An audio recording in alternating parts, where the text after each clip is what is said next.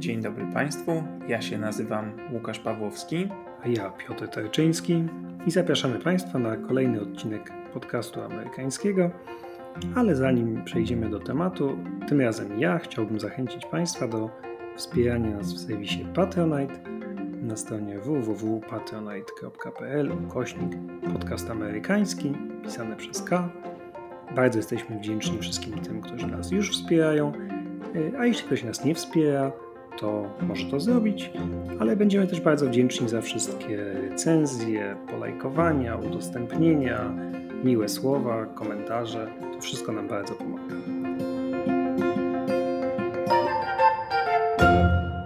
A o czym dzisiaj będziemy rozmawiać? No, dzisiaj porozmawiamy o procesie i wyroku na policjanta Dereka Chauvina, który był oskarżony o zabójstwo George'a Floyda i został uznany winnym wszystkich postawionych mu zarzutów. Grozi mu do nawet 40 lat więzienia. Na razie został uznany winnym, ale wysokość kary jest jeszcze nieznana. Wymierzy ją sąd w najbliższych tygodniach. No ale już sam fakt, że ten proces się odbył, że ten proces się zakończył i zakończył się takim wyrokiem, niespełna, 11, no niespełna rok po śmierci Floyda, mm, no to to już jest ogromne, wielkie wydarzenie. Dlaczego? No, po pierwsze, ze względu na to, że to zabójstwo Floyda wywołało takie, mm, ta, taki wybuch społecznego niezadowolenia, o tym kontekście zaraz powiemy, no ale po drugie, także dlatego, że tego rodzaju procesy są niezwykłą rzadkością, a już wyroki skazujące no to, to praktycznie się nie zdarzają w takich przypadkach. To, żeby nie być gołosłownym, podam Państwu e, statystyki, które sobie tutaj e, przygotowaliśmy. Wedle danych, które znalazłem w, w serwisie 538, e, i to są dane zbierane przez pewnego profesora który robi to na własną rękę, bo wyobraź sobie, Piotr, że nie ma ogólnych danych w Stanach Zjednoczonych o wykroczeniach policji, takiej jednej bazy, na, w, na której można by pracować i, i, i, którą można by analizować. Jakiś e, pan imieniem Philip Stinson siedzi sobie po prostu i próbuje te dane zbierać, i na niego się ludzie e, powołują, i wedle e, jego danych było od 2005 roku około 140, 140 takich postępowań karnych y, y, wobec, y, wobec policjantów, którzy zostali aresztowani za morderstwo i z tych 140 procesów 44 zakończyły się skazaniem, ale nie skazaniem za morderstwo, tylko za jakąkolwiek inną zbrodnię, bo zwykle w czasie tego procesu ten wyrok czy zarzuty mogą wyglądać inaczej i zwykle są to zbrodnie łagodniejsze czy przestępstwa. 44 osoby od 2005 roku. I teraz porównajmy to sobie z tym, ile osób ginie w Stanach Zjednoczonych z rąk policji co roku. Co roku ginie tysiąc. Od 2005 roku 44 policjantów zostało skazanych mm, zwykle za mniejsze przestępstwo, ale było oskarżonych o morderstwo i zostało w ogóle jakoś skazanych. To nam pokazuje, jak wyjątkowy był proces George'a Floyda, tym bardziej, że mieliśmy do czynienia z białym policjantem oskarżonym o zabójstwo czarnego Amerykanina. Tak, amerykańska policja w ogóle więcej strzela i zabija, i zabija niż w innych krajach. E, ja tu mam dane, że to się dzieje trzy razy częściej niż w Kanadzie czy Australii, a 30 razy tyle co, co w Niemczech na przykład. To oczywiście wiąże się tam z dostępnością broni w Stanach w ogóle, znaczy też u potencjalnych przestępców, ale te dysproporcje między y, na przykład właśnie Kanadą a Stanami są, są kolosalne. Ale tak jak mówisz, dokładne dane są niemożliwe, bo całe to prowadzenie statystyk jest y, no, od czapy, tego się inaczej nie da określić. Nawet statystyki przestępczości, jak o tym czytałem, nie są jednolite dla całego kraju. To znaczy, część statystyk przestępczości bierze się z FBI, część bierze się od Departamentu Stan, y, Sprawiedliwości. One się częściowo pokrywają, częściowo nie. Po prostu nie ma jakiegoś jednego federalnego systemu danych. Ale prawdą jest, że policja amerykańska strzela i zabija, a jeśli strzela i zabija, to znacznie częściej y, zabija Afroamerykanów niż białych. Prawica lubi wprawdzie powtarzać, że więcej białych ginie z rąk policji niż ginie czarnych i innych przedstawicieli mniejszości. No i tak, w liczbach bezwzględnych faktycznie, ale pamiętajmy, że białych jest w USA prawie 160 milionów więcej. Biali Amerykanie to jest 62% ludności i 49% zabitych przez policję, Amerykanie, to jest, Afroamerykanie to jest 12% ludności i blisko 1 czwarta wszystkich zabitych. Można to ująć inaczej. E, ja zajrzałem do takich danych zbieranych przez e, dziennik Washington Post i czytam, co znalazłem. O ile z rąk policji e, zginęło ginie mniej więcej 13 osób na milion białych Amerykanów, to w przypadku czarnoskórych jest to 32 na milion, zaś w przypadku tych pochodzenia latynoskiego 24. No więc dość zasadnicza różnica 13 a 32. A w przypadku nieuzbrojonych y, jest jeszcze gorzej. Mniejszości, przedstawiciele mniejszości stanowią 37% y, ludności USA, ale aż 63% wszystkich nieuzbrojonych ludzi których zabiła policja. To znaczy, y, ta dysproporcja rasowa jest y, zauważalna w statystykach. To nie jest żaden wymysł, to nie jest wymysł lewicy, to jest po prostu coś, co wychodzi w statystykach FBI, Departamentu Sprawiedliwości i wewnętrznych y, statystyk Departamentów Policji. Ale zawsze po takiej głośnej sprawie, jest ich, zdarza się ich coraz więcej, także dlatego, że ludzie mają telefony komórkowe i mogą tego rodzaju zdarzenia nagrywać. One pojawiają się w sieci, wywołują, e, falę oburzenia. To zawsze po, po takiej sytuacji mamy oczywiście panele komentatorów, którzy mówią: No, owszem, w każdej służbie, w każdym zawodzie zdarzają się takie robaczywe jabłka, prawda? I to jest problem indywidualny, a nie jest to problem systemowy. E, mamy złego człowieka, złego policjanta, czy źle przeszkolonego, ale każdym zawodzie jakaś nieodpowiednia osoba, czarna owca może się trafić. I to jest taka sama dyskusja jak w rozmowach o posiadaniu broni i przy okazji strzelanin. No, jakiś biedny, zaburzony człowiek przypadkiem zdobył broń i mm, zabił kilka osób, ale skoncentrujmy się w związku z tym na problemach osób e, chorych psychicznie, a nie na dostępności broni. I tak samo jest w przypadku mm, tych e, nadużyć władzy ze strony policji. I jeszcze dochodzi do takiej paradoksalnej sytuacji, że niezależnie od tego, jaki jest wynik całej sprawy, to obrońcy status quo mogą powiedzieć, że jest w porządku. I tak samo może być w przypadku Szowina, to znaczy, jeżeli by go nie skazano, to powiedzieliby mm, obrońcy status quo, no nie, nie było powodu, zachował się odpowiednio, czuł się zagrożony, miał prawo zrobić to, co zrobił. A teraz, kiedy go skazano, to mogą powiedzieć, no zobaczcie, wszystko działa, człowiek został skazany, nie ma sensu nic reformować. A jest dokładnie odwrotnie. To znaczy, to może być dopiero początek rozmowy o, o poważnych reformach policji.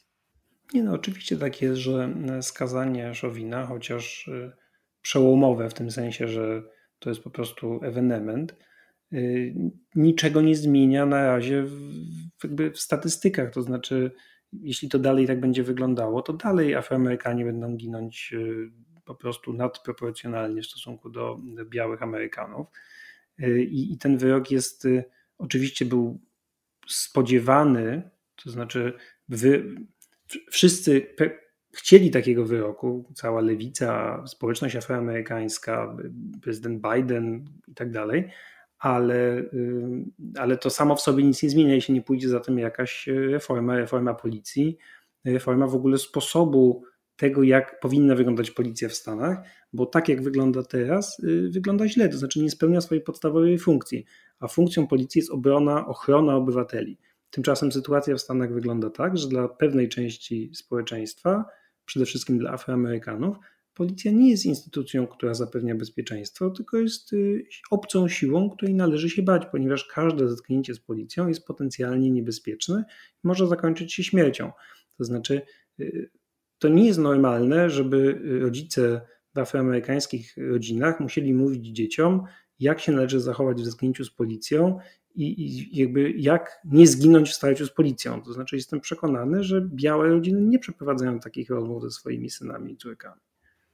Wiesz, w jednym z odcinków e, programu Johna Olivera poświęconych e, właśnie odpowiedzialności policji i, i przemocy ze strony policji było, była mowa nie tylko o rozmowach rodziców, była pokazana lekcja, na której uczono uczniów, jak mają się zachowywać w zetknięciu z policjantem, co mają powiedzieć, jak mają zakończyć interakcję i nawet uczniowie, jest taka scena, jak oni powtarzają słowa nauczycielki Officer, am I free to go now? Panie policjancie, czy już mogę sobie pójść? I mają po prostu lekcję, jak ma przebiegać ich interakcja z policją, tak żeby nie zakończyła się e, nieszczęściem. I wiesz, po e, każdej strzelaninie takiej dużej strzelaninie portal e, taki satyryczny The Onion zamieszcza taki nagłówek, że nic nie można z tym zrobić. Mówi jedyny kraj, gdzie takie rzeczy mają miejsce. I Dokładnie wydaje mi się jest z problemem policji, czy podobnie. To znaczy, wiele osób mówi, no nic się z tym nie da zrobić, a jest to kraj, który rzeczywiście ma problem, bo tak jak powiedziałeś, tych osób z rąk policji ginie w Stanach Zjednoczonych statystycznie po prostu więcej, a już tych należących do mniejszości mm, jeszcze więcej. Jeszcze trzeba wziąć pod uwagę to, że skazanie Szowina yy, bardzo możliwe, że doszło do niego tylko dlatego, że y, był ten słynny filmik nagrany przez przypadkową nastolatkę, która była świadkinią tych wydarzeń. Gdyby tego filmiku nie było, gdyby cała Ameryka nie zobaczyła, jak Derek Chauvin klęczy na karku George'a Floyda przez 9,5 minuty i dusi go, kiedy George Floyd prosi, żeby go nie zabijać, y, a policja nie reaguje, nie reaguje na wezwania y, tłumu, który jakby wzywa do jakiejś interwencji, prosi, żeby też nie zabijać George'a Floyda. Czy to jest wstrząsający film, który oglądała cała Ameryka, y, ale gdyby nie to, to bardzo prawdopodobne, że Derek Chauvin byłby po prostu kolejnym policjantem, y, któremu przydarzyło się coś takiego na służbie i y, podejrzany zmarł. Doszło do jakiegoś wypadku w czasie, przy, wypadek przy pracy, podejrzany nieszczęśliwie zmarł, zasłabł i zmarł i, i, nigdy nie zostałby skazany i pociągnięty do odpowiedzialności, ale ten film był tak wstrząsający i był powszechnie dostępny i cała Ameryka mogła zobaczyć, jak wygląda konfrontacja z policjantem. To też jest znamienne, że Szowin klęczy na karku y, i on nie ma poczucia, że robi coś niewłaściwego, y, nie ma problemu z tym, że jest nagrywany telefonem przez nastolatkę, bo on wie, że nic mu nie grozi. To znaczy, on po prostu w jego przekonaniu chyba wykonuje swoje obowiązki mm, mm, i w ogóle nie przyjdzie mu do głowy, że, y, no, że popełnia morderstwo i że może za nie zostać pociągnięty do odpowiedzialności i skończyć w więzieniu. Wydaje mi się, że tu są dwie kwestie. Po pierwsze, nagranie to oczywiście, ale wiesz, nagrań było już e, niemało i były nagrania jeszcze porównywalnie wstrząsające. Nie wiem, czy to się da jakoś porównywać i, i stopniować, ale e, między innymi e, zabójstwo Filando Castilla, e, gdzie człowiek został zatrzymany przez policję do kontroli drogowej. Jechał z rodziną, z żoną i córką, córka na tylnym fotelu i mówi policjantowi, że ma w schowku broń, na którą ma pozwolenie policjant każe mu pokazać e, dokumenty i, i po prostu i ginie, nie wychodząc z samochodu z żoną i córką obok. A to wszystko jest nagrywane i jeżeli dobrze pamiętam, e, także streamowane było na żywo na Facebooku, więc tych nagrań jest coraz więcej, ale tutaj wydaje mi się, że dodatkowym elementem był też sposób, w jaki on zginął, czyli no te właśnie 9,5 minuty, że to nie był strzał, E, że to nie była jakaś dynamiczna akcja, pościg, w którym ktoś wyciąga broń policjant może się później tłumaczyć, że poczuł się zagrożony, że źle zobaczył, że, że myślał, że podejrzany ma broń, tylko tutaj podejrzany leży, nie stawia oporu, e, jest skuty kajdankami, a mimo to ginie po tych dziewięciu minutach. Ja pamiętam, e, że Szowin leży przecież, czy klęczy na, na szyi Floyda, także wtedy, kiedy ten przestaje już reagować, to znaczy traci przytomność. I schodzi z, z tej szyi dopiero wówczas, kiedy przyjeżdża ambulans i e, podchodzi do, do Floyda ratownik medyczny. I myśmy też zamieszczali na naszej stronie facebookowej taką notkę policyjną tuż po zabójstwie Floyda ujawnioną i ona właśnie opowiada to całe zdarzenie tym językiem, o którym e, wspomniał Piotr. To znaczy, że był podejrzany, został aresztowany, e, został unieruchomiony, no zaszło wydarzenie, wezwano ambulans, podejrzany zmarł. Koniec.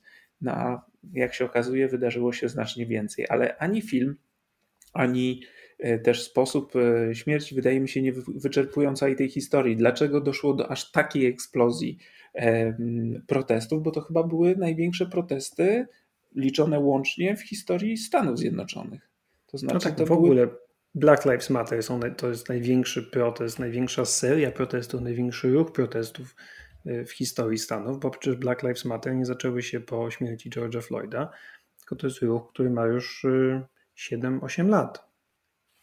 Tak, i to jest, y, żeby zrozumieć to, co się stało, trzeba podać zarówno te przyczyny bezpośrednie, o których już Państwu mówiliśmy, czyli film, sposób, w jaki to się stało, te dramatyczne wyzwania świadków stojących obok, fakt, że to się stało w biały dzień, fakt, że podejrzany to nie był to nie, to nie był pościg za człowiekiem z bronią, tylko przypomnijmy, Floyd był oskarżony o to, że zapłacił w pobliskim sklepie fałszywym banknotem 20-dolarowym. Po tym, jak to zrobił, siedział w samochodzie niedaleko tego sklepu i właściciel wezwał policję.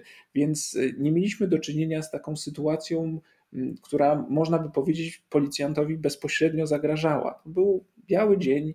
E, no, no niezbyt poważne przestępstwo czy wykroczenie i nieproporcjonalna akcja policji. To raz. Ale dwa, ta śmierć wpisuje się oczywiście w, w tę całą serię, o której wspominamy i o której tutaj mówimy, takich nagrań pokazujących właśnie nie nieadekwatne użycie przemocy ze strony policji. Te słowa, które wypowiadał Floyd wielokrotnie, e, leżąc już na ulicy, I can't breathe, czyli nie mogę oddychać, były, to, to wszystko przypominało zajście z Nowego Jorku z roku 2014.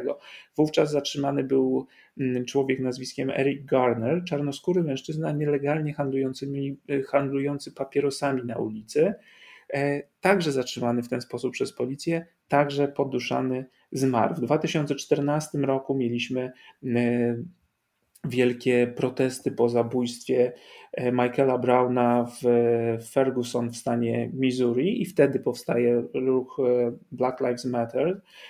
Mieliśmy wspomnianego Filando Castilli, to był lipiec 2016 roku, zabitego w samochodzie podróżującego z czteroletnią córką i partnerką, która to całe zdarzenie nagrała i zamieściła w sieci.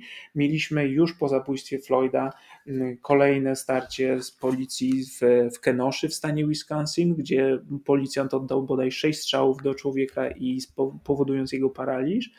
I to wszystko e, te wszystkie konkretne e, filmy jak gdyby potwierdzały to, o czym czarni Amerykanie mówili wielokrotnie, tylko że się nie widziano tego.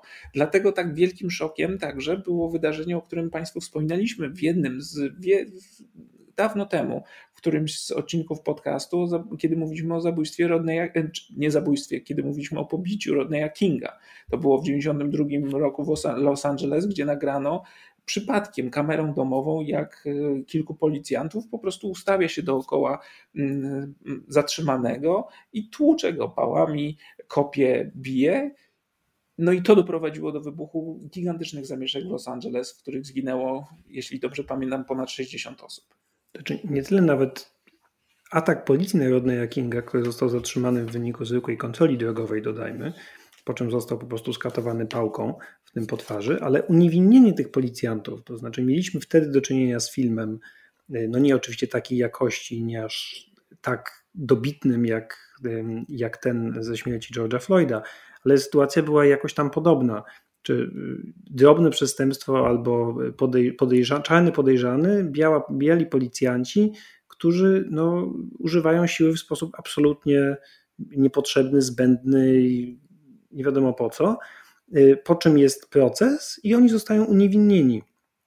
Wtedy właśnie rzeczywiście wybuchły zamieszki w Los Angeles w kwietniu 1992 roku, trwające 6 dni, tak jak mówisz, 60 parę ofiar śmiertelnych.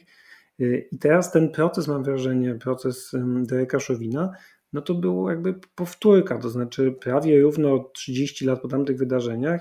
Mm, to był znowu proces, na który cała Ameryka czekała. Wszyscy czekali na ten wyrok i no i właśnie, wydawałoby się, że sprawa jest oczywista, tak? To znaczy widzieliśmy wszyscy ten film, tu nie ma wątpliwości, co się stało. Wszyscy widzimy, jak Derek Chauvin zabija, mm, zabija George'a Floyda. No ale wciąż mając w pamięci wydarzenia z 1991 roku i proces Rodneya Kinga, no i te statystyki, o których mówisz, to wciąż było no, mało trudno było uwierzyć, że oto policjant zostaje skazany za zabójstwo, za morderstwo człowieka. Tak, i to wcale nie było pewne, że, że dojdzie do wyroku skazującego. Mówimy o tym, że jest to trudne, a wystarczyłoby, że mm, obrona byłaby w stanie przekonać sędziów ławy przysięgłych do tego, że policjant czuł się zagrożony, e, że jakoś jego życie było w niebezpieczeństwie i w związku z tym mógł e, użyć siły. Zresztą próbowano pokazywać, e, obrona stosowała kilka argumentów. Po pierwsze, mówiono o tym, że to nie policjant przyczynił się do śmierci Floyda, tylko że to była jakieś inne już przesłanki zdrowotne, między innymi używanie narkotyków, e, że to one doprowadziły do śmierci, a nie ten, te, te 9 minut.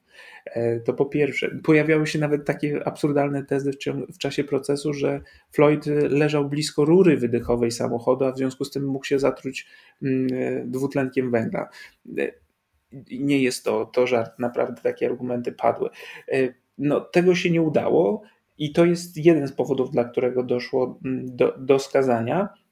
Bo wystarczyłoby, żeby oni przekonali chociaż jednego ławnika. Wystarczyłoby, że jeden z tych dwunaściorga przysięgłych, y, anonimowych dodajmy, po to, żeby czuli się bezpiecznie, nie znamy ich tożsamości, ale wystarczyłaby jedna osoba, która miałaby wątpliwości co do winy, winy Szowina i proces był, zakończyłby się bez rozstrzygnięcia i wtedy dopiero prokuratura mogłaby zdecydować, czy chce ponownie postawić zarzuty Szowinowi. Więc to była główna strategia obrony.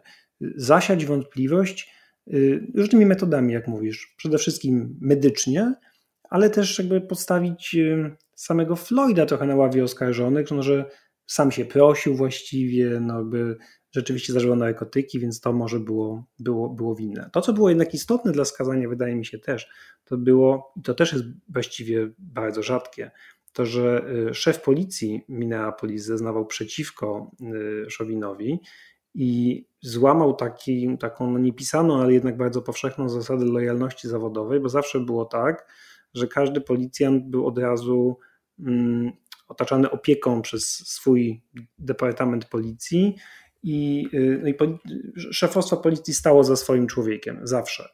Y, a tym razem szef, komendant główny policji Minneapolis Zresztą pierwszy Afroamerykanin na tym stanowisku zdecydowanie odciął się od Szowina, zwolnił go już tuż po śmierci George'a Floyda, potępił jego zachowanie wprost, powiedział, że to było no, niedopuszczalne i karygodne i powtórzył to w czasie procesu, za co skądinąd spotkała go y, kolosalna krytyka ze strony policyjnych związków zawodowych, dodajmy, i oczywiście ze strony prawicy, że to jest nielojalność, że to jest y, skandaliczne zachowanie. Ale myślę, że, y, że to jest znowu, no to nie jest norma, to był wyjątek, ale oby takich wyjątków było więcej. Skoro już o tym mówisz, to powiedzmy, można wymienić kilka takich powodów, dla których te, te skazania są, są trudne e, i te procesy. Jedno, tak jak powiedziałeś, lojalność e, wśród policjantów, to znaczy policjant, który zeznaje przeciwko kolegom, musi się liczyć z tym, że, że będzie miał kłopoty. I to nie tylko takie przyjem, nieprzyjemności, że, że ktoś podrzuci mu na przykład szczura, no bo po, po angielsku rat to znaczy kabel, to znaczy ktoś, kto donosi na swoich, że ktoś mu, że w ten sposób będzie miał nieprzyjemności, ale może po prostu być narażony na niebezpieczeństwo w czasie akcji policyjnych, bo ktoś nie, nie będzie go ubezpieczał. O takie historie też słyszałem. Ale no, widzieliśmy inny, film Serpico też. Który polecamy swoją drogą. Dużo lepszy niż Wonder Woman. E, inne powody, dla których e, jest trudno do takich procesów doprowadzić, czy do skazania. Po pierwsze, jeżeli ta osoba poszkodowana miała broń, to policjant może bardzo łatwo udowodnić, że bał się o swoje życie i w związku z tym musiał zastosować, na przykład strzelić. Więc a nawet jeśli nie miał broni E, w sensie pistoletu, ale miał jakąś inne, inne narzędzie, którym mógł zagrozić policjantowi, no to również jest łatwo taki, taki argument wykorzystać. E, druga, druga rzecz to nie tylko policjanci ze sobą współpracują, w związku z tym nie chcą zeznawać przeciwko sobie, no ale także prokuratorzy e, potrzebują wsparcia policjantów. To znaczy oni to, to są ludzie, którzy na co dzień powinni współpracować i powinni sobie ufać, więc w momencie, kiedy teraz prokurator ma oskarżyć jednego z policjantów, to zaczyna się się problem. Kolejny, kolejny problem jest taki, czy fakt właściwie, że sędziowie i, i osoby w, na, w ławie przysięgłych mm, no, ufają policjantom. To znaczy, jeżeli wychodzi policjant i mówi, że czuł się zagrożony, że z jego perspektywy ta sytuacja wyglądała y, inaczej i w związku z tym miał prawo użyć przemocy czy użyć broni, to ludzie są skłonni policjantom wierzyć. Kolejna e, jeszcze argument czy powód jest taki, że mm, miasta czy lokalne władze bardzo często nie dopuszczają w ogóle do tych procesów i są gotowe pójść na ugody e, i zapłacić e, za to, żeby w ogóle do aktu oskarżenia nie, nie, nie wnosić. I sumy, na które się natknąłem, znowu portal 538, są naprawdę zaskakujące, mm, porażające.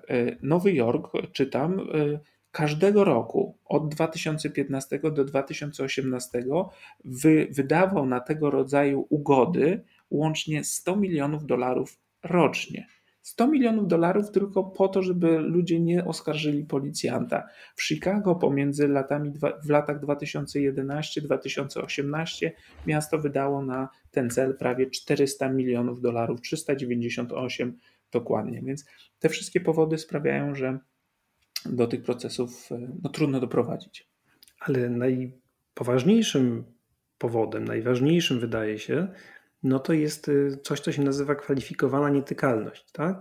To jest taka doktryna, która chroni policję przed pozwami cywilnymi o odszkodowanie. Mm, to znaczy, jeśli wykonywali swoje obowiązki, e, no to właściwie bardzo trudno jest im pociągnąć ich do odpowiedzialności. Takie są wyroki Sądu Najwyższego. Y, że kwalifikowana nietykalność zapewne ochronę wszystkim, y, tak naprawdę z wyjątkiem naprawdę niekompetentnych lub łamiących prawo z premedytacją. To znaczy, y, to, to sprawia, że jeśli nawet policja wykonuje działania, które są, mm, już nie mówię nawet o zabójstwach, ale no nie wiem, wpada do kogoś do mieszkania, demoluje mieszkanie, wpada przez pomyłkę, no to ta osoba, której zdemolowano mieszkanie, prawie, prawie na pewno nie dostanie odszkodowania, ponieważ policja wykonywała swoje obowiązki, a nie ma żadnego prawa, które y, precyzyjnie zakazuje policji demolowania komuś mieszkania. Tak, z powodów prawnych tak to mniej więcej wygląda. To jest y, dobry przykład takiego e, paragrafu 22, nie? To znaczy, że musisz e, wykazać, że to, co ci się przydarzyło, jest jawnym złamaniem prawa i ma precedensy, ale tych precedensów nie ma, no bo wcześniej też ktoś próbował dowieść swoich racji, ale musiał wykazać, że były tego precedensy, a jako, że nie wykazał, to nie doszło do procesu, no więc ty w dzisiejszym swojej sytuacji nie masz precedensu, na który możesz się powołać. I tak to sobie w takim błędnym kole trwa. Co więcej, kwalifikowany immunitet dla policji gwarantuje też apelację z, z automatu co sprawia, że proces będzie dłuższy o jakieś 2-3 lata, co oczywiście nie sprzyja osobie, która pozywa, no bo to są koszty prawników. A jeśli nawet dojdzie do wypłaty odszkodowania, no to płaci za to odszkodowanie państwo, a nie ten policjant, który dokonał przestępstwa, który zniszczył, zranił, zabił. I tutaj statystyki są wstrząsające. W 99 98% przypadków płaci państwo w takich, w takich przypadkach. Czyli policjant tak naprawdę nie ma żadnej, mm, żadnego argumentu, czyli nie boi się po prostu pozwu, ponieważ zawsze zapłaci za to ktoś inny. I oczywiście zwolennicy tej, tej doktryny kwalifikowanej nietykalności mówią, że ona jest konieczna, żeby policjanci czuli się bezpiecznie, że, żeby mogli wykonywać swoje obowiązki bez lęku, że grozi im pozew y, za to, że czegoś tam nie dopatrzą i że to jest w ogóle konieczne nie tylko wobec policjantów, bo ta doktryna dotyczy nie tylko policji, ale w ogóle wszystkich urzędników państwowych, powiedzmy. Bo bez tego, mówią na przykład, religijna prawica mogłaby pozywać urzędników za to, że wcielają w, w życie prawa zakazujące dyskryminacji osób LGBT. Wtedy na przykład można by cywilnie, w procesie cywilnym pozywać takiego urzędnika i z nim wygrywać. No i oczywiście sama doktryna być może jest sensowna w niektórych przypadkach, ale jej ewidentne nadużywanie sprawia, że policja nie jest pociągana do odpowiedzialności, nie boi się pozwów, w związku z tym nie, nie ma żadnej zachęty do tego, żeby zachowywać się inaczej. To jest oczywiście ciekawe, że najbardziej bronią tego republikanie, tej doktryny, mimo że przecież y, republikanie, przynajmniej w teorii, są całym sercem za ochroną obywateli przed y, aparatem państwowym. Tak? Jakby nadmierna siła państwa w stosunku do bezbronnego obywatela. Republikanie są całym sercem za tym, żeby to jest filar konserwatyzmu, żeby bronić obywatela przed państwem. Ale jak przychodzi co do czego, to okazuje się, że tutaj niestety obywatel nie ma żadnych szans w starciu z aparatem państwowym. Powinniśmy chyba jeszcze powiedzieć y, o tym, dlaczego amerykańska policja mm, jest aż tak agresywna? Bo oczywiście z jednej strony ta, ta e, ochrona, która się, którą się im gwarantuje, to częściowo może wyjaśniać, no ale nie wyjaśnia to nam chyba w pełni, dlaczego w Stanach Zjednoczonych ginie z rąk policji kilkakrotnie więcej osób.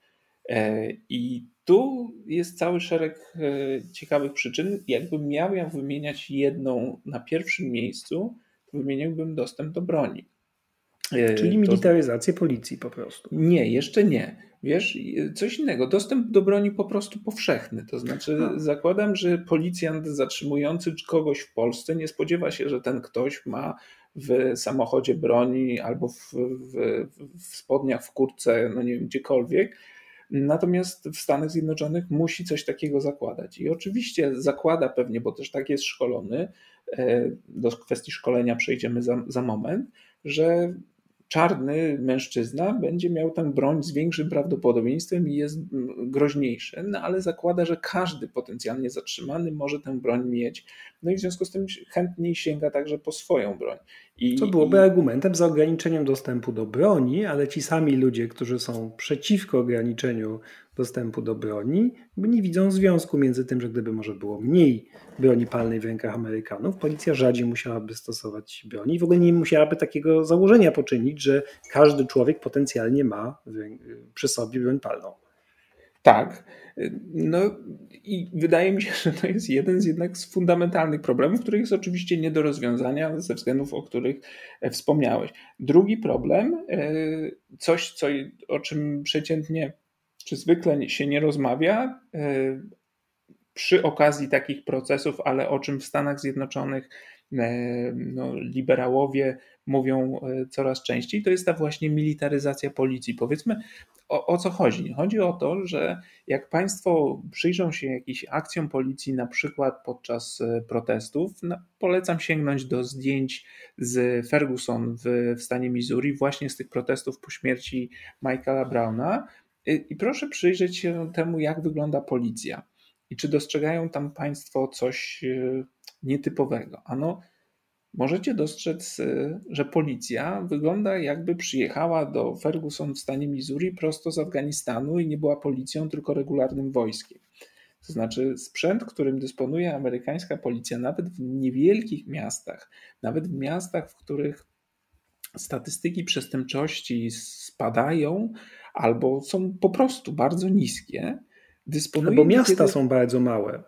Prawda? Y, dysponuje niekiedy sprzętem, który jest zadziwiający. To znaczy, są to jakieś takie pojazdy opancerzone, wyrzutnie granatów, e, które nie, wi- nie, bardzo wiadomo, jak się mają im przydać. No i teraz powiedzmy, skąd ci policjanci ten sprzęt biorą?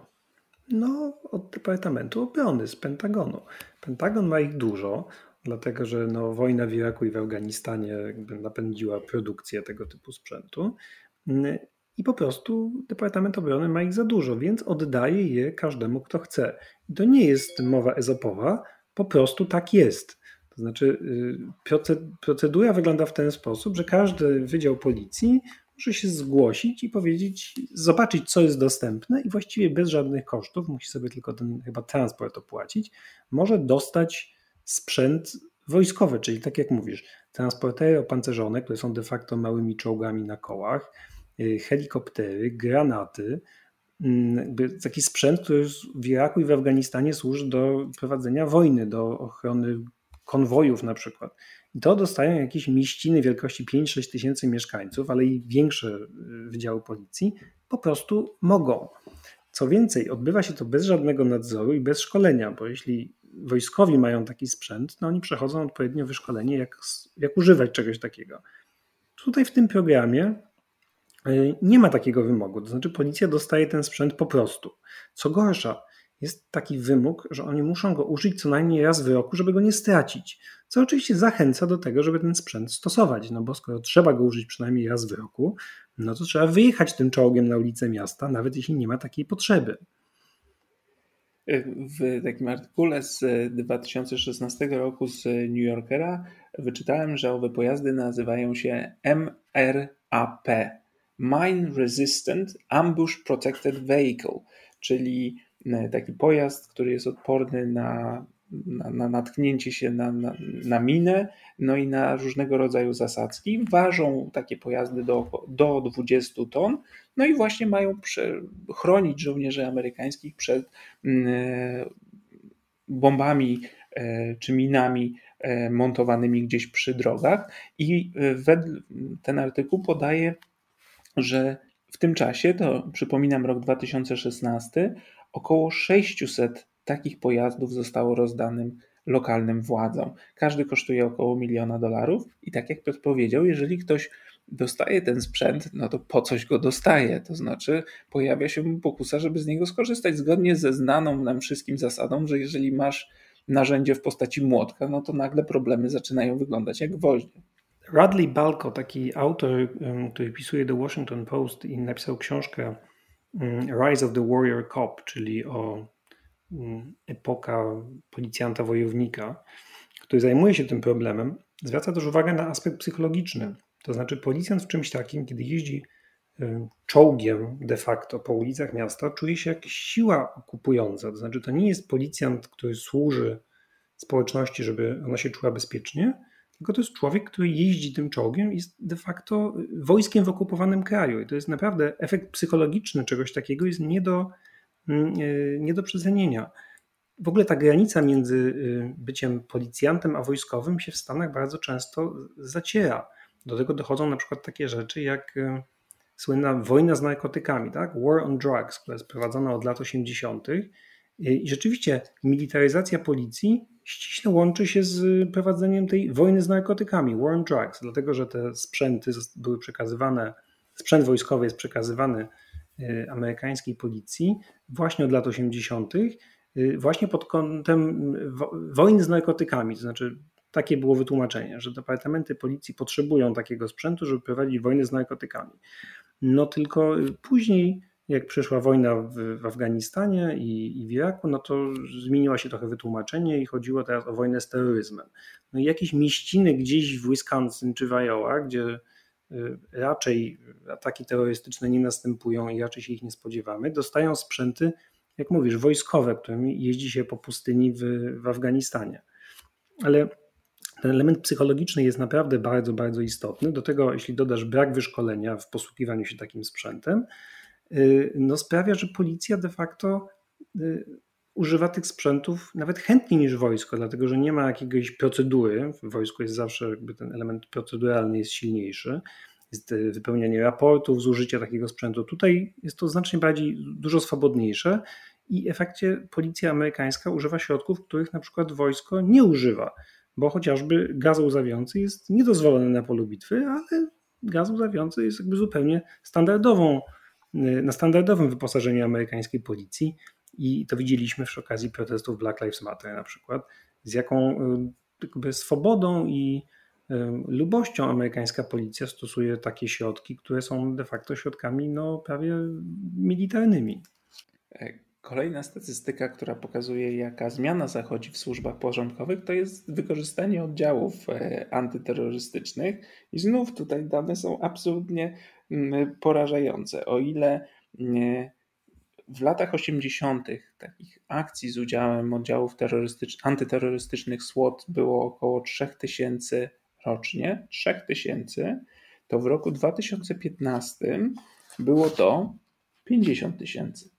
Znaczy, zmiana porażająca i pokazuje też zmianę podejścia do, do, do obowiązków. I teraz co, co te oddziały robią? Czy to mm, wynika z tego, że nagle się tylu y, niebezpiecznych przestępców w Stanach Zjednoczonych pojawiło? Nie, one są wykorzystywane właśnie bardzo często do akcji, które wcześniej nie angażowałyby tego rodzaju oddziałów, czyli na przykład do e, przeszukania. Tak? E, wpada taki oddział antyterrorystyczny, znajduje, nie wiem, 5 gramów marihuany, przy okazji demolując mieszkanie i e, uszkadzając ludzi znajdujących się w tym pomieszczeniu. A więc to jest zmiana, która też powoduje, że ludzie, znaczy ona ma skutki także psychologiczne, ona ma skutki dla zaufania w, wobec policji. Jeżeli nałożą Państwo na to, o, co, o czym teraz mówimy, to co powiedzieliśmy wcześniej, że jakoś tak się dzieje, że policja chętniej e, kieruje swoją uwagę na mm, pewne grupy obywateli, no to trudno się dziwić, że wśród tych obywateli później nie ma specjalnie zaufania do, do policjantów i niezbyt chętnie Mm, oni także zgłaszają policji, jeżeli faktycznie do, do, do przestępstw dochodzi. No to jest taka spirala, która się mm, napędza, to znaczy większa, y, więcej interwencji policji, większa brutalność tych interwencji, mniej zaufania e, i większe trudności z wykryciem przestępstw, no i większe nakłady na policję, żeby wykryć te przestępstwa. Nie, z tą militaryzacją tak jak powiedziałeś, zamieszki Ferguson zwróciły uwagę Amerykanów właśnie na ten sprzęt, którym dysponuje policja w stosunkowo niewielkim mieście, takim jakim jest Ferguson. I y, po tym wszystkim y, administracja Obamy przeprowadziła kontrolę w różnych wydziałach policji mm, problematycznych w całym kraju, y, ale między innymi zajęła się tym problemem militaryzacji, zajęła się tym problemem przekazywania sprzętu wojskowego wydziałom policji Mm, zwłaszcza, że ten program 1033, bo taką nosi nazwę, był krytykowany zarówno już przez wewnętrzną Izbę Kontroli Pentagonu, jak i przez y, taki odpowiednik amerykańskiego NIK-u y, i zwracano uwagę na te wszystkie problemy, o których powiedzieliśmy. I prezydent Obama dekretem wykonawczym w 2015 roku ograniczył znacznie y, ten, ten proces. Ten cały system przekazywania sprzętu wojskowego. No ale ponieważ było to wprowadzone dekretem wykonawczym, to jak bardzo często mówimy w naszym podcaście, y, można to odwrócić takim samą metodą, czyli dekretem wykonawczym i to właśnie zrobił Donald Trump. No, kiedy doszedł do władzy, natychmiast cofnął rozporządzenie Obamy i jakby wszystko wróciło do starego systemu, to znaczy przekazywania oddziałom y, czy departamentom policji sprzętu wojskowego, Mm, co, jak powiedzieliśmy, nie jest najlepszym pomysłem i jest nawet bardzo szkodliwe. No, Trump y, też otwarcie zachęcał policjantów do tego, żeby brutalniej postępowali z zatrzymanymi. Bodaj w 2017 roku na jednym z tych swoich wieców, podczas których przez półtorej czy dwie godziny przemawiał w sposób nieskoordynowany, mm, opowiadał o tym, że na filmach to on często widzi, jak to policjant zatrzymując e, podejrzanego i wprowadzając go do radiowozu, kładzie mu rękę na głowie, żeby ten nie uderzył się o, o, przy wejściu, przy wchodzeniu do radiowozu. No i Trump mówi: No po co to robicie? Możecie być przecież troszkę bardziej zdecydowani, możecie zdjąć tą rękę. I te jego słowa wywoływały aplauz. I oczywiście nie o rękę tu chodzi, nie o to chodzi, żeby ktoś się uderzył czy nie uderzył i, i nabił sobie guza, tylko przecież ten, za tym przekazem szło przyzwolenie na zwyczajnie na, na większą brutalność i większe zdecydowanie policji, nie przy wprowadzaniu zatrzymanego do radiowozu, tylko przy e, interwencjach z bronią. No tak, a to zresztą jest, e, widać było przy okazji procesu Szowina, mm, to znaczy ta nieustanne próby właśnie podważenia dobrej opinii George'a Floyda i podejrzanego, tak jakby to, że jest to przestępca, y, bo był kiedyś skazany za coś tam i jak powiedziałeś, miał w organizmie znalezione narkotyki, jakby to, co wszystko zmieniało. To znaczy, musimy być surowi wobec przestępców, wobec podejrzanych, ale to jest taka surowość kompletnie absurdalna i y, ona nic nie daje w gruncie rzeczy, poza no, chyba dobrym samopoczuciem i przekonaniem, że, że coś się robi. Ale to było bardzo widoczne przy okazji prawicowych komentarzy procesu Szowina. Nie wiem, czy zauważyłeś. To znaczy, nieustannie prawicowe media i w Stanach, więc oczywiście nasz ulubiony Fox News i nasz absolutnie ulubiony Tucker Carlson to robili, ale robiły to też polskie może nie polskie, no nie, prawicowe polskie media też to robiły, ale zwłaszcza później to widać było w komentarzach. To znaczy, y, przekonanie, że jeśli ktoś jest podejrzanym o przestępstwo, albo nawet ma na koncie jakieś wykroczenia czy przestępstwa, to właściwie można go traktować tak jak, no właśnie, jak wroga. To znaczy, to jest to militarystyczne podejście, y, które mówi, zadaniem policji jest ochrona obywateli, zadaniem wojska jest zabicie wroga. Tymczasem mam wrażenie, że y, prawica, tak w Stanach, jak i w Polsce, tak tego nie postrzega. To znaczy, przestępca, przestępca jest postrzegany jako wróg, którego należy wyeliminować, często fizycznie. No tak, ja bym to powiedział w ten sposób. Rzeczywiście to jest ważny element, y, który powinniśmy dodać do tych powodów, dla których trudno policjantów skazać. To znaczy, podczas tych procesów z jednej strony mamy policjanta, z drugiej strony mamy człowieka, który ucierpiał z rąk policji, ale to nierzadko nie jest aniołek. To znaczy, to może być człowiek, który ma na koncie jakieś przestępstwa i może słusznie został aresztowany i słusznie powinien odbyć karę i pójść do więzienia, ale chodzi o to, że policja zastosowała wobec niego nieproporcjonalne środki y, i e, czy wobec niego, czy wobec jakichś osób postronnych. I teraz te dwie rzeczy trzeba rozróżnić. To znaczy, może być ktoś, kto jest e, drobnym przestępcą, nie wiem, sprzedaje nielegalnie papierosy na ulicach Nowego Jorku, albo jest e, drobnym dealerem narkotyków, albo jakimś złodziejaszkiem. To wszystko oczywiście za to powinien zostać ukarany, jeżeli policja go zatrzymuje, ale zwracam Państwa uwagę, że to nie są przestępstwa karane śmiercią.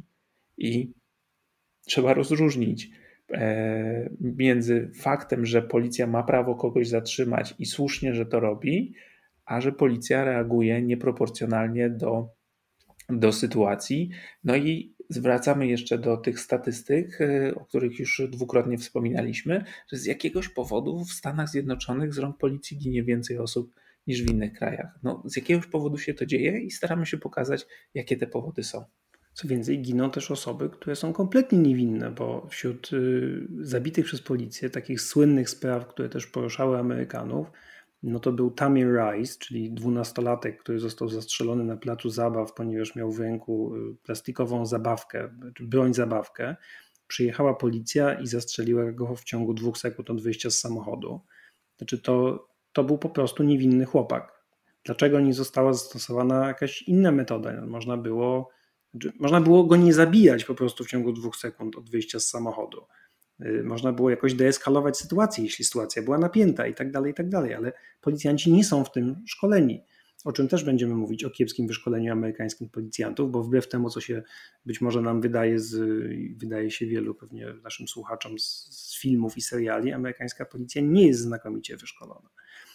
Są też takie przypadki jak y, Breonna Taylor, tak? to znaczy y, kobieta, która została zastrzelona we własnym domu, ponieważ policja y, wpadła, to akurat nie był oddział SWAT, ale to był zwykły oddział, który zachowywał się jak oddział SWAT, jak oddział antyterrorystyczny, wpadł nocą do niej do domu bez zapowiedzi, y, ponieważ pomylili domy. Znaczy tam historia jest bardziej skomplikowana, ale ona była kompletnie niewinna.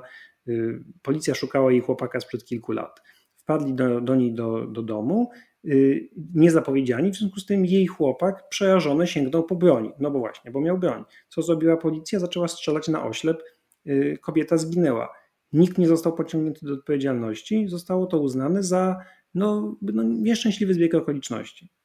I, I, tam chyba było oskarżenie pod adresem jednego z policjantów, ale nie dotyczyło ono zabójstwa, tylko dotyczyło narażenia sąsiadów na niebezpieczeństwo. Tak. To znaczy, że strzelali w sposób taki, który narażał osoby postronne. To znaczy, sama e, ofiara była niejako osobą postronną, ale ona nie, tutaj jakby nie została uwzględniona, ale mieszkańcy okoliczni, że zostali narażeni na niebezpieczeństwo. Tutaj był jakiś przynajmniej oskarżenie, czy skończyło się to skazaniem, tego nie wiem. No właśnie. Jakby I w takich sytuacjach zawsze, kiedy słyszę albo widzę jakieś takie komentarze, no tak, bo George Floyd nie był niewiniątkiem, bo to jest niestety jakby coś, co jest wspólne i dla polskich y, polskiego internetu i amerykańskiego internetu. Jakby zwracanie na to uwagi cały czas, jakby to jakby wszystko załatwiało.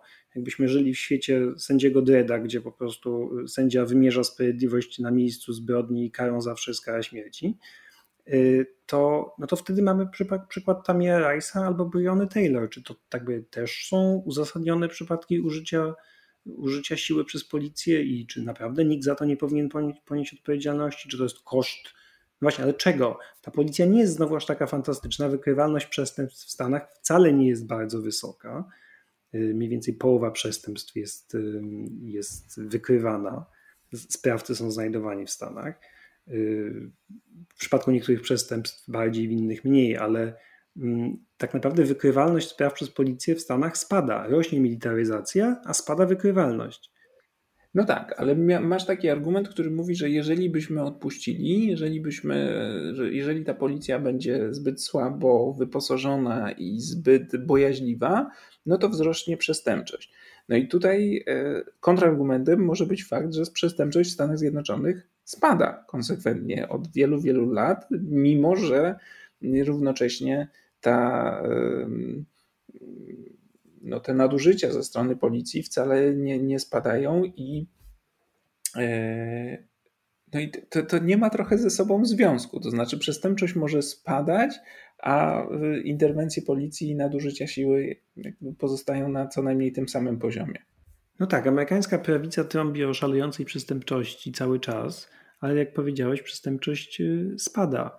Y, I to rzeczywiście w sposób y, no, dramatyczny. Od lat 90 tutaj mam dane FBI, jest o 50% mniej brutalnych przestępstw, napadów w ogóle o 68% mniej, morderstw minus 47%, y, kradzieży aut ponad 60%, y, a dane z Biura Statystyki Departamentu Sprawiedliwości, bo mówiłem wcześniej, że te statystyki są różne i nie ma jednego systemu, to te drugie statystyki są jeszcze lepsze.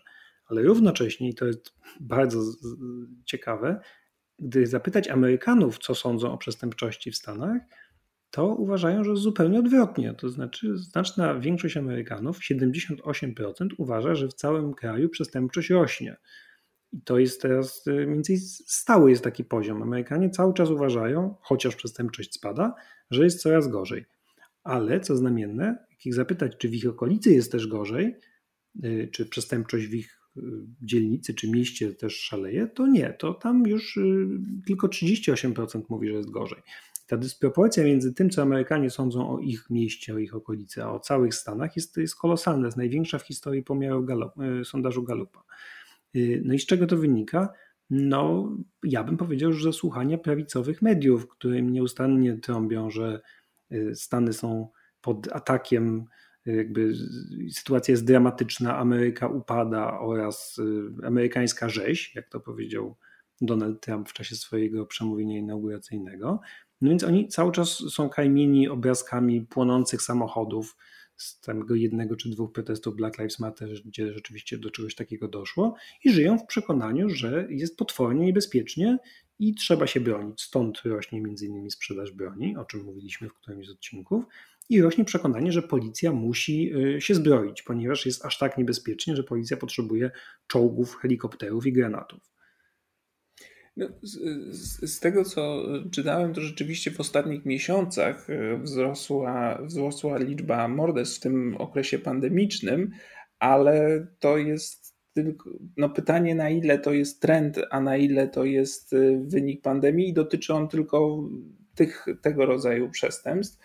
Mm, ale faktycznie te nastroje wciąż napędzają tę, e, to, tę militaryzację policji i, i to jest też ciekawe, w związku z tym e, wywołują taki opór wobec haseł, które zgłaszała E, część liberałów, część lewicy, część progresywizmu, pro, tego skrzydła progresywnego w partii demokratycznej, to było to hasło defund the police, czyli mm, jakby ograniczyć środki na policję. No i przedstawiano to hasło, moim zdaniem ono nie jest najszczęśliwsze, ale przedstawiano je jako wezwanie do całkowitego, całkowitej likwidacji policji. I rzeczywiście ono się tak może kojarzyć i w tym sensie uważam nie jest najszczęśliwsze, podczas gdy chodziło o coś zupełnie innego. Chodziło o przekazanie części środków, czy takie rozdysponowanie środków, żeby policji de facto odjąć część obowiązków. No tak, no, przeniesienie części obowiązków policji po prostu na inne podmioty, yy, dlatego że policja w Stanach zajmuje się yy, wszystkim, jakby, wieloma rzeczami, którymi zajmować się nie powinna. Niemal jedna czwarta zabitych przez policję, jak yy, widzę w statystykach, to są ludzie chorzy psychicznie na przykład. Ale kiedy, ponieważ ten system właściwie ochrony nad, opieki nad ludźmi chorymi psychicznie w Stanach jest no, fatalny, no to policja jest kierowana do takiego przypadku i zamiast deeskalować sytuację, bardzo często kończy się ona śmiercią, y, śmiercią takiej osoby. Y, tak samo policja nie powinna zajmować się bezdomnością i bezdomnymi na przykład. Powinny być do tego jakieś inne agendy miejskie na przykład, które potrafią zajmować się y, i potrafią opiekować się takimi ludźmi. A tutaj jakby policja są, to są ci first responders, to są jakby oni jako pierwsi reagują na wezwanie, ale reagują na wezwanie nie tylko do Y, nie wiem, napadu z bronią, ale też do ten człowiek dziwnie się zachowuje na ulicy. No ale on się być może dziwnie zachowuje, bo, y, bo jest chory. Ale kiedy pojawia się policjant, może nie od razu w tym czołgu, ale z bronią, gotowy do użycia, przekonany, że jest strażnikiem i, i wojownikiem na, na wojnie z przestępczością, który musi bronić społeczność i jakiekolwiek zagrożenie y, to od razu sięga i, i strzela, no to sytuacja się kończy tragicznie. Chodzi o to przy Defund the Police, i to rzeczywiście tak powinno było być przedstawione, żeby y, policja zajmowała się tylko tym, czym naprawdę powinna się zajmować, to znaczy przestępczością, a nie wszystkim innym. Ja bym jeszcze dodał, że oczywiście, kiedy policjant widzi osobę dziwnie zachowującą się na ulicy, no to zakłada, że ta osoba jest pod wpływem jakiejś substancji, e, że jest pod wpływem narkotyków czy, czy alkoholu, no i musi zakładać, że taka osoba ma, ma broń E, i w związku z tym sam częściej po nią sięga, a zakłada, że taka osoba ma broń e, częściej, jeżeli to jest e, czarnoskóry mężczyzna, bo tak są też policjanci szkoleni i te kwestie szkolenia policji, to znaczy przeznaczania dużej ilości czasu na ćwiczenia z bronią, dużej ilości czasu na wypełnianie raportów, ale małej ilości czasu na przykład na E, deeskalację, czy techniki deeskalacji konfliktu, czy radzenie sobie ze stresem, e, to wszystko sprawia, że no, ten policjant y, jest chętny, czy źle powiedziałem, niechętny, ale jest skłonny e, sięgnąć po broń częściej niż to się dzieje w innych państwach. No tak, no bo jak powiedziałeś, skoro ma młotek, no to wszystko, wydaje mu się, że wszystko jest gwoździem. Y, a wyszkolenie, tak jak mówisz, no, nie uczą ich deeskalacji. W Stanach nie ma ogólnokrajowych, jakichś federalnych wymogów i przepisów policyjnych. Każdy departament policji, a jest ich 18 tysięcy mniej więcej, ma swoje przepisy, ma swoje szkolenia. Zaznaczmy to, 18 tysięcy, Piotr się nie pomylił. 18 tysięcy różnego rodzaju służb porządkowych, bo mówimy o służbach na różnych poziomach stanowych, lokalnych, miejskich, 18 tysięcy. Dlatego też tak trudno jest to e, liczyć i tak trudno jest kontrolować te wszystkie służby. No, ponieważ nie ma tych ogólnokrajowych e, jakichś wymogów czy, czy standardów i one są lokalne, mm, e, no to one są też dość niskie. I to jest to, o czym mówiłem, że amerykańska policja wcale nie jest tak znakomicie wyszkolona. Czy być może oddziały SWAT są znakomicie wyszkolone, ale już tacy zwykli policjanci niekoniecznie przeczytałem, co też mnie jakby muszę powiedzieć jednak zdziwiło, że w niektórych stanach szkolenie na policjanta jest krótsze niż kurs wymagany prawem. Kurs na barbera, czy manikurzystkę, czy kosmetolożkę. I rzeczywiście składa się głównie ze strzelania. Średnio jest to 8 godzin technik deeskalacji i 58 godzin strzelania. Przypomina szkolenie wojskowe. Nie ma tam psychologii, nie ma tam radzenia sobie ze stresem. W związku z tym, wiecie Państwo, jeśli policjant w ciągu szkolenie trwa mniej więcej 5 miesięcy plus 3 miesiące w polu, tak, jakby w towarzystwie innego policjanta. Więc jeśli on po niecałym roku szkolenia głównie uczy się strzelać, no to nie jest najlepiej przygotowaną osobą do tego, żeby radzić sobie z, z mnogością sytuacji, z którymi może się zetknąć jako policjant. I rzeczywiście jakaś zmiana w szkoleniu policjantów zmiana taka właśnie jakiegoś paradygmatu, tak? To znaczy podejścia do tego, czym powinna wyglądać, czym powinna się zajmować policja, jak powinna się tym zajmować, to jest rzeczywiście coś bardzo, bardzo istotnego i to powinno znaleźć się, znaleźć się w tych reformach wprowadzonych na poziomie federalnym, ale jak powiedział Łukasz, no jest to trudne, no bo tyle jest departamentów, że to rzeczywiście musi wziąć za karby Departament Sprawiedliwości i to musi zostać przeprowadzone jakąś ustawą. No ale y, no właśnie, jak zawsze w amerykańskiej polityce, wprowadzenie czegoś ustawą jest niezwykle, niezwykle trudne, ponieważ nakłada się na to konflikt partyjny. Z jednej strony mamy demokratów, którzy chcieliby z tym coś zrobić i wzywają do reformy, z drugiej mamy republikanów, którzy y, tutaj zaskakująco też są zgodni, że jakaś reforma by się przydała, ale ich propozycje są w gruncie rzeczy kosmetyczne. Nie ma tam jakichś takich no, zasadniczych prób reformy, no ale jest ustawa, ustawa przeszła w Izbie Reprezentantów, ona nosi zresztą imię George'a Floyda y, i znowu z punktu widzenia lewicy, z punktu widzenia społeczności afroamerykańskiej ona nie idzie wystarczająco daleko, jest dość zachowawcza. Z punktu widzenia republikanów z kolei to jest w ogóle koniec świata, koniec policji, koniec Ameryki, jaką znamy i wszystkie inne apokaliptyczne brednie. Y, I, no i rzeczywiście znalezienie jakiegoś konsensusu będzie bardzo trudne, ale jak mówię, przeszła w Izbie Reprezentantów, czeka na głosowanie w Senacie.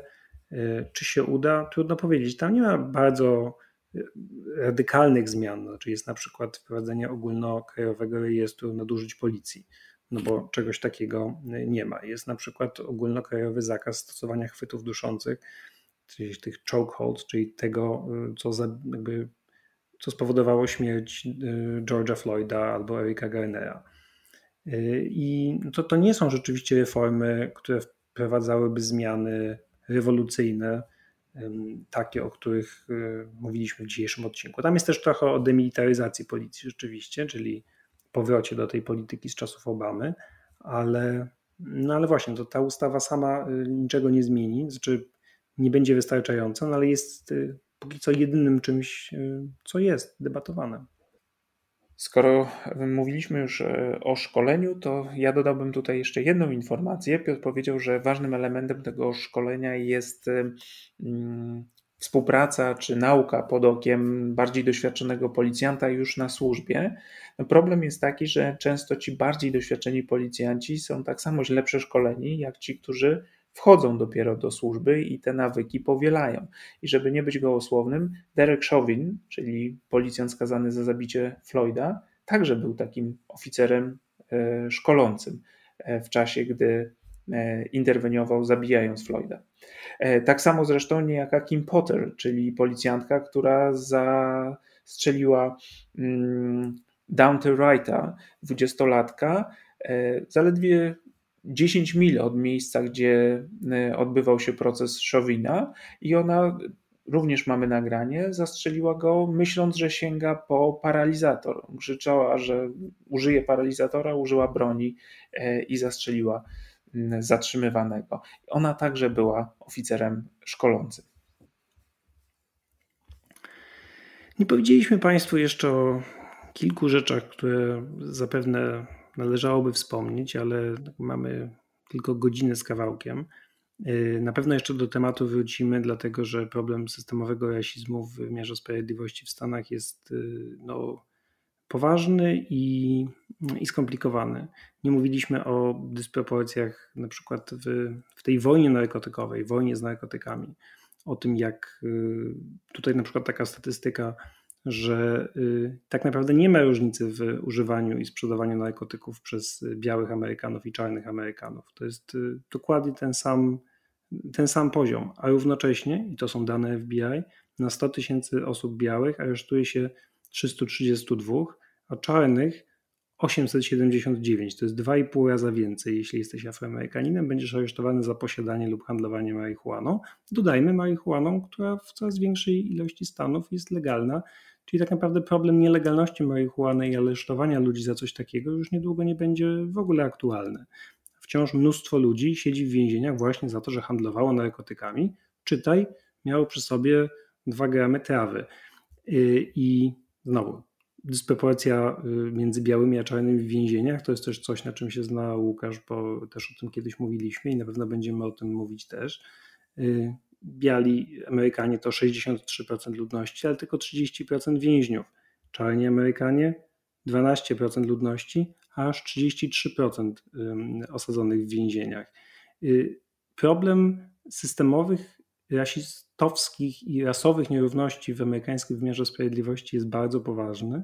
Systemowy rasizm nie oznacza, że wszyscy w tym systemie sprawiedliwości są rasistami, bo to jest bardzo często też coś, co irytuje prawicę i nawet niektórych centrystów. To, to, to sugeruje, że wszyscy jesteśmy rasistami, że wszyscy policjanci są rasistami, że wszyscy sędziowie, prokuratorzy i tak. Nie, to chodzi o to, że bez względu na opinię i intencje uczestników tego systemu, on produkuje skutki różniące się rasowo, w zależności od tego, czy jest się białym czy czarnym. Y, I, to jest kolosalny problem, który zauważają Amerykanie, bo taką statystyką bym chyba zakończył, że y, większość Amerykanów zgadza się z postulatami ruchu Black Lives Matter i to ta nastąpiła znacząca zmiana właśnie od y, śmierci George'a Floyda. Ja jakbym miał to tłumaczyć, ten systemowy rasizm może na, na nasze warunki, to powiedziałbym tak, no jeżeli Widzą Państwo, że powiedzmy na najwyższych urzędach publicznych czy na najwyższych stanowiskach w Polsce jest nieproporcjonalnie mało kobiet. To nie znaczy, że każdy z nas w Polsce nie chce, żeby kobiety zajmowały te stanowiska i jest wrogo do kobiet nastawiony, ale to świadczy o tym, że coś jest z naszym systemem nie tak, gdzieś w którymś miejscu, co sprawia, że tych kobiet jest mniej. I tu jest podobnie. To znaczy, nie, nie jest tak, że każda osoba, każdy biały Amerykanin jest y, rasistą, czy każdy policjant jest y, w ten sposób nastawiony, ale gdzieś są jakieś błędy tego systemu, o których staraliśmy się Państwu powiedzieć, które powodują, że jego skutki są właśnie takie, jakie powiedział Piotr. Do tematu na pewno jeszcze wrócimy. Dziękujemy i do usłyszenia za tydzień. Do usłyszenia.